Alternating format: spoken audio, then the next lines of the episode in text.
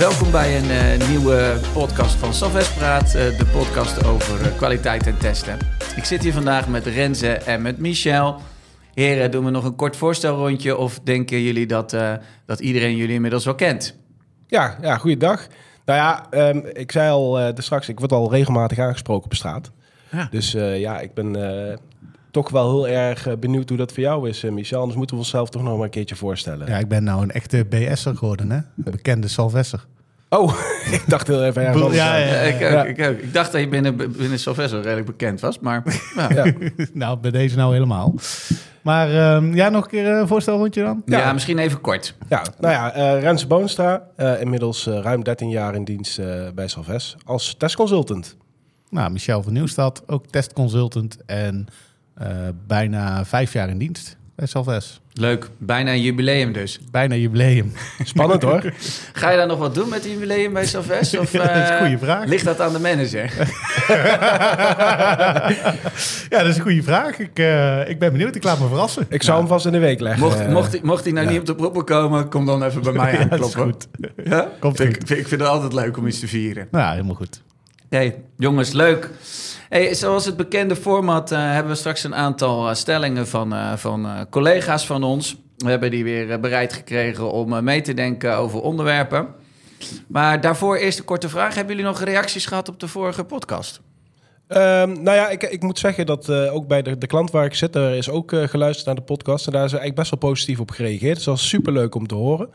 Ja. niet, heb jij eh, die ervaring ook? Ja, ik heb eh, zeker eh, leuke reacties gehad. Eh, mensen vonden het eh, juist interessant omdat we dieper ingaan op, op stellingen. Het bleef, eh, bleef niet hoog over. Nee. Maar we gingen echt in op, eh, ja, op wat diepgaandere eh, zaken. En dat was eh, zeker wel eh, interessant voor de, voor de klant. Zeker. Ja, Leuk, leuk. Ja, nou, ik, ik heb ook hier en daar, zeker van, ook van collega's, maar ik zag ook op LinkedIn wat leuke posts en zo. Dus, eh, nou, in ieder geval de reden om hier in ieder geval nog een podcast eh, aan te plakken. Zeker. zeker. Ehm, ik denk dat we toe zijn aan, eh, aan de eerste stelling. Ehm, ik zal de eerste stelling van eh Hoesijn, onze collega van West, eh, zal ik eens eh, in gaan starten. Daar Ja. komt-ie.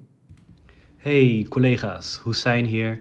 Ik luister met heel veel interesse naar deze podcast en ik vroeg me af of het een illusie is dat testautomatisering leidt tot snellere softwareontwikkeling.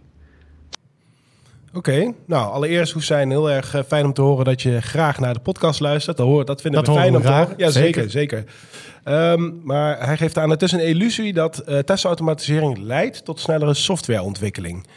Poeh, ja, dat is wel een goede stelling. Eh, wat vind jij daarvan, eh, Michel? ja, dankjewel. Trap balletje, af. balletje gelijk door. eh, ehm.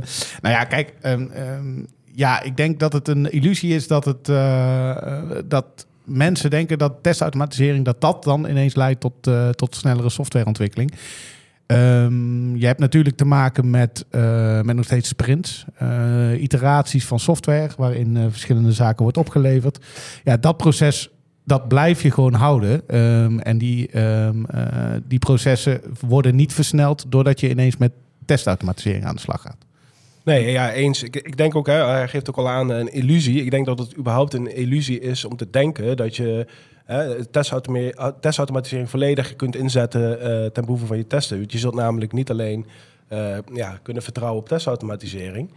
Eh, en daarbij, het inrichten, inrichten van testautomatisering komt best wel veel bij kijken. Hè. Dus je initiële inzet daarvoor, eh, die is best wel, best wel een behoorlijke investering. Hè. Dus je kunt niet zeggen van, hé, hey, goh, laten we morgen nou maar eens gaan beginnen met testautomatisering. Nee. Daar komt echt wel een heleboel bij kijken. En dat gezegd hebbende, eh, is het niet zo als je het eenmaal hebt ingericht dat het dan klaar is. Hè? Je bent ook constant bezig om je testautomatisering eh, te onderhouden en bij te werken. Wel is het zo dat als je testautomati- testautomatisering inzet voor de juiste ehm, eh, onderdelen, hè, dus met name regressietesten, daar kun je op, eh, op termijn wel echt je winst behalen. Dat wou ik zeggen, inderdaad. Zeker weten. Dat kan toch best wel versnellen? Want Nee, de testuitvoer aan zich wordt daarmee wel versneld. Zeker. Het is ten, eh, testautomatisering is ten alle tijden sneller dan dat je iets handmatig test.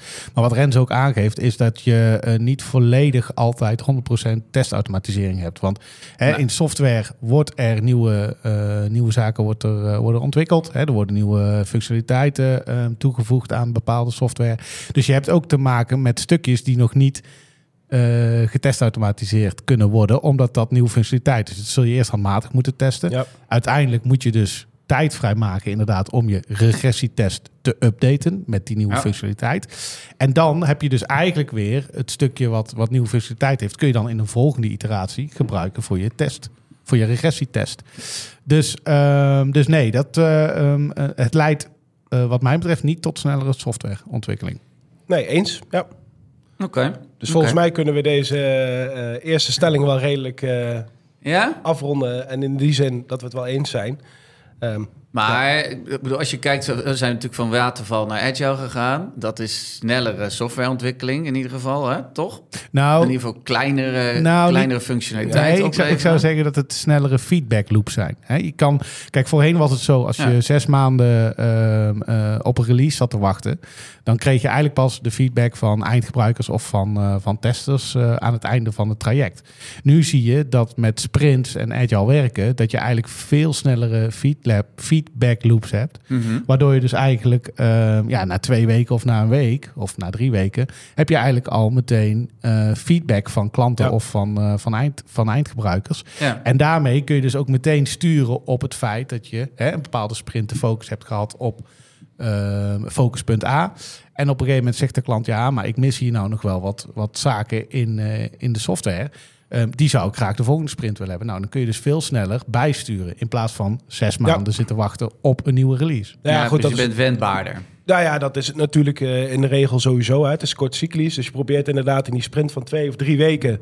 eh, probeer je altijd waarde toe te voegen hè, voor, je, voor je klant. Eh, dus het is meteen zichtbaar. en wat eh Michel zegt, ja, ze kunnen ook meteen zien wat, wat de tussenstand is en kunnen nog, hè, dan kun je nog bijstellen. En dat is denk ik eh, ja, het grote voordeel van eh agile werken. Ja. En dan nog heel eventjes richting die testautomatisering en die snelle softwareontwikkeling. Is het dan wel eh, noodzakelijk om testautomatisering toe te passen in een agile omgeving of in korte sprints?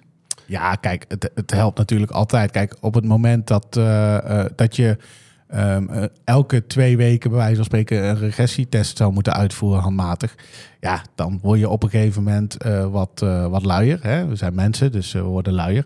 Ehm, je gaat wat sneller door, door, door het testen heen, hè? want je weet wat je, wat je wil bereiken. Dus je, je dekkingsgraad gaat daarmee ook naar beneden, je testdekking. Dus dan loont het natuurlijk wel om testautomatisering in te zetten. Dus op het moment als je ehm, ja, repeterende testen uitvoert, ja, dan helpt het wel om testautomatisering in En zo'n systeem groeit natuurlijk ook. Hè? Want ik ken de verhalen van de oude legacy systemen. Ja, als je daar twee wekelijks eh, doorheen moet gaan zitten klikken eh, handmatig, dan kan dat wel even duren. Ja, en je moet ook niet vergeten dat testautomatisering, kijk, eh, veel is nou web-based.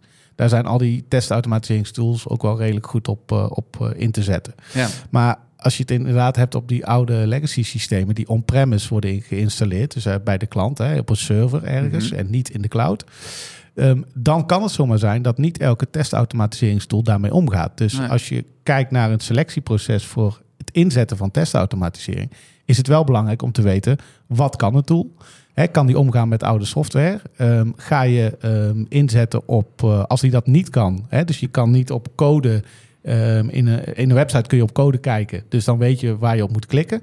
Ehm, dat kan in sommige gevallen in de applicaties, eh, in de oudere applicaties niet. Dus dan moet je met ehm, image recognition gaan zitten. Ja, dat is veel minder betrouwbaar Ja. dan dat je dat eh, op, eh, op een webpagina hebt. Nee, helemaal mee eens. Kijk, en eh, je hebt soms te maken met hele complexe ketens. En eh, als dat betekent dat je zoveel inspanningen moet verrichten om die testautomatisering werkend te krijgen. En dan heb ik het niet alleen de initiële eh, inzet, maar ook gewoon het, in het kader van het onderhouden. Dan moet je altijd de afweging maken, loont het dan nog? Hè? Ja. Dus dat Ja, is altijd een, een, een speelveld waar je in bevindt om te kijken eh, of je testautomatisering daarvoor inzet. Dus dat is een eh, continu proces om dat eh, te monitoren. Ja. Oké, oké. leuk, leuk. Eh, dan gaan we naar de tweede stelling van vandaag. De stelling van eh, Remco Muishond, onze collega van, eh, van Zuid. Hoi, Remco Muishond hier. Ehm, ik vroeg me af of jullie vinden dat je als tester, naast je testskills natuurlijk, ook verplicht zou moeten beschikken over een breed scala aan people skills om goed te kunnen functioneren binnen je team. Ja, het is natuurlijk eh, een leuke stelling. Uh, maar het is natuurlijk wel de vraag, uh, wat is een breed scala aan skills?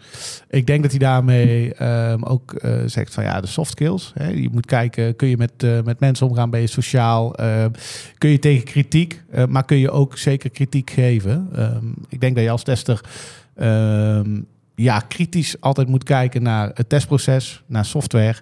Ehm, maar dat ook op basis uh, ook wel durft te zeggen naar de klant toe. Op het moment als je zegt van hé, hey, we gaan hier, um, we hebben een no-go op een bepaalde release. Dan moet je dat ook wel hard uitspreken. En dan zeg je ook gewoon van nou, het advies wat ik geef, hè, want wij testers geven advies. Ja. Um, ik zou niet live gaan met deze software om deze en deze redenen. En hè, als tester ben je natuurlijk uh, punctueel. Dus je zorgt ervoor dat, uh, dat je weet welke issues er spelen en welke eventuele blokkerende zaken erin zitten. En dat kun je dan ook rapporteren. En dan is er ook geen spel tussen te krijgen, denk ik. Nee, ja, helemaal, helemaal mee eens. Kijk, Goh, we uh, zijn vandaag wel eens gezien. Ja, maar ik heb nog wel een kanttekening. Dus die, die fijn, komt er nog wel achter. Een klein beetje wrijving in um, glans. Nee, maar ik ben het in de basis daar wel mee eens. Hè. Als, uh, als tester heb je wel inderdaad... Uh, ja, die soft skills zijn super belangrijk. Uh, meestal opereren we in een omgeving waarbij, uh, ja, ik noem het zelf altijd, ik heb het volgens mij in een eerdere podcast ook al aangegeven. Ik zie uh, een tester of een testconsultant vaak als een mediator. Hè, wij zitten vaak centraal binnen zo'n organisatie. We praten met zowel de business, we praten met de developers. die zijn bijvoorbeeld weer veel, ja, die praten een andere taal dan bijvoorbeeld de business. Ja. En die tester moet wel in staat zijn om dat te kunnen filteren. Hè? Dus ook die brug te kunnen slaan tussen die ontwikkelaar en die business. Want dat praat niet altijd even lekker met elkaar, begrijpen elkaar niet zo goed. Uh, en dan moet je als tester wel over de juiste skills bezitten om dat goed te kunnen begeleiden. Ja, precies. Dat gezegd hebbende, dat is misschien dan wel de ideale tester, hè, die zowel uh, de technische skills bezit van het software testen en de soft skills uh, bezit. Alleen zijn er natuurlijk wel altijd uitzonderingen, want we hebben ook best wel testers in het vakgebied die die soft skills misschien wat minder hebben. Maar die technisch gezien wel, juist weer een uh, ja, veel breder uh, dekkingsgebied Ja, die daar weer wat beter onderlegd zijn. Zeg ja, maar. en dat is een beetje de vraag. En dat, dat past soms bij die uh, specifieke testconsultant, die daar gewoon super goed in is. bijvoorbeeld wat meer de, de, de, technische testen, zo zie ik het vaak. Dan zie je wel, wel vaker terugkomen dat die. ja, die, die voelt zich wat comfortabeler Precies. in de techniek dan, die, dan per se die brug te slaan. Juist, en die zal misschien iets minder op de voorgrond treden in dat soort organisaties. Is ja. dat erg? Dat ligt er maar aan. Ik denk niet per se. Want soms is zo'n, uh, ik noem het dan maar even, een technische tester juist heel goed op dat vlak. En die kun je ook juist daar heel goed op inzetten. Dus misschien ook wel een beetje de rol. Hè? Want niet ja. elke testrol is natuurlijk ook weer hetzelfde. Nee, ja. kijk, je moet natuurlijk ook, uh, hè, als we dan in agile term ook blijven, uh, je moet uh, in een vertrouwde omgeving zitten. Hè? Dat daar weet je gewoon, dan accelereert de persoon ook het beste.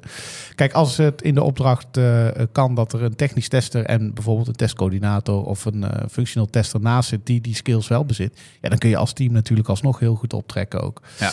Uh, dus ik vind het. Het versterkt elkaar, denk het versterkt elkaar, ja. ja. zeker. En um, dus ik denk dat je altijd wel, en daar zijn we natuurlijk hier bij, bij Salves ook wel, um, hè, daar gaan we ook op trainen, dat je ook op soft skills kan trainen. Dus je kan het altijd bijbrengen, maar ja, het zit natuurlijk in het aard van het beestje. Je bent of heel introvert of extrovert, extravert. Ja. En dat, uh, dat heeft er natuurlijk wel mee te maken dat, uh, ja, hoe je ook overkomt bij de klant. En um, ja, zeker, dat, dat kan aan, belangrijk. Ja, zeker. Dat, maar dat kan dus uh, ja, beide kanten op werken. Dus ik denk dat, um, dat, dat het ook niet goed is om als tester bij wijze van spreken 40 uur in de week op je zolderkamertje te zitten.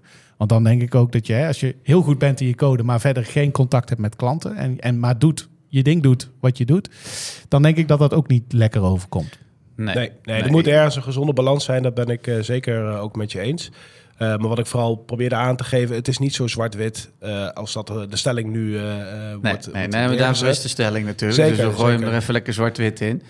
Nee, maar wat ik hoor is inderdaad, het is wel, het is wel fijn om natuurlijk die people skills en die soft skills te hebben. We zijn ook consultants, dus ja. je adviseert de klant je bent vaak de spin in het web in het team. Je slaat de brug tussen de business en de IT.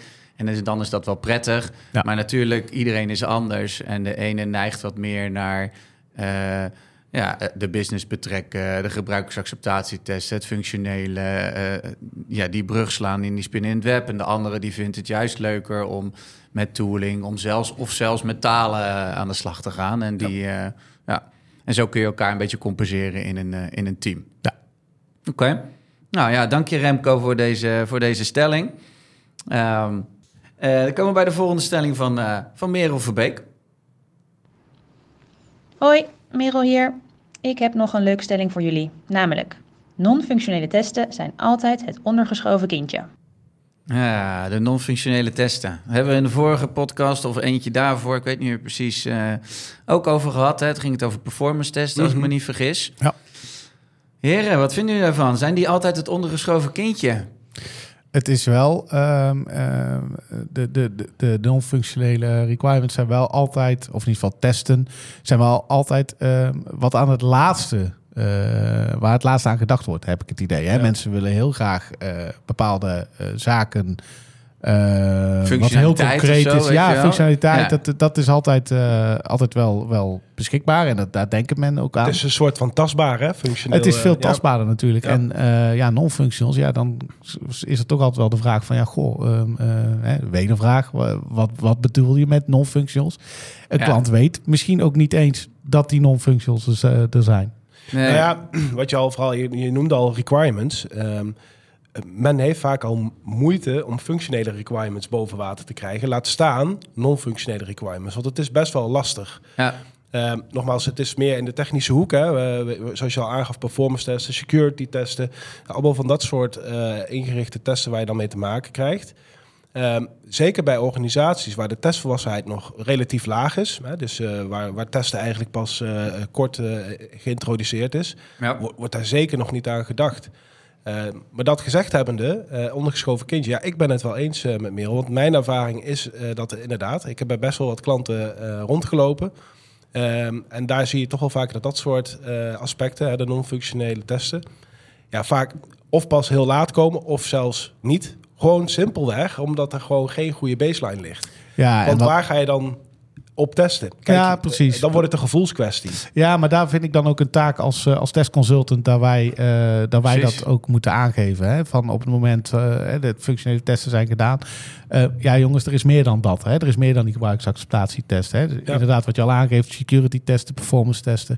Ja, dat zijn gewoon hele belangrijke testen om te valideren of dat de software hè, ook daarmee uh, nog steeds uh, bruikbaar is voor de eindgebruiker. Zeker, want het kan, het kan wel doen wat je, wat je wil, maar als het, niet, als het niet performt, als je elke keer moet gaan zitten wachten, dan is het nog steeds heel vervelend. Ja, precies. Dan is het nog steeds een, een no-go, want hè, functionaliteit kan, kan misschien niet opgeslagen worden of hè, wordt, wordt abrupt beëindigd. Ja, dat zijn gewoon zaken die, die je liever niet wil.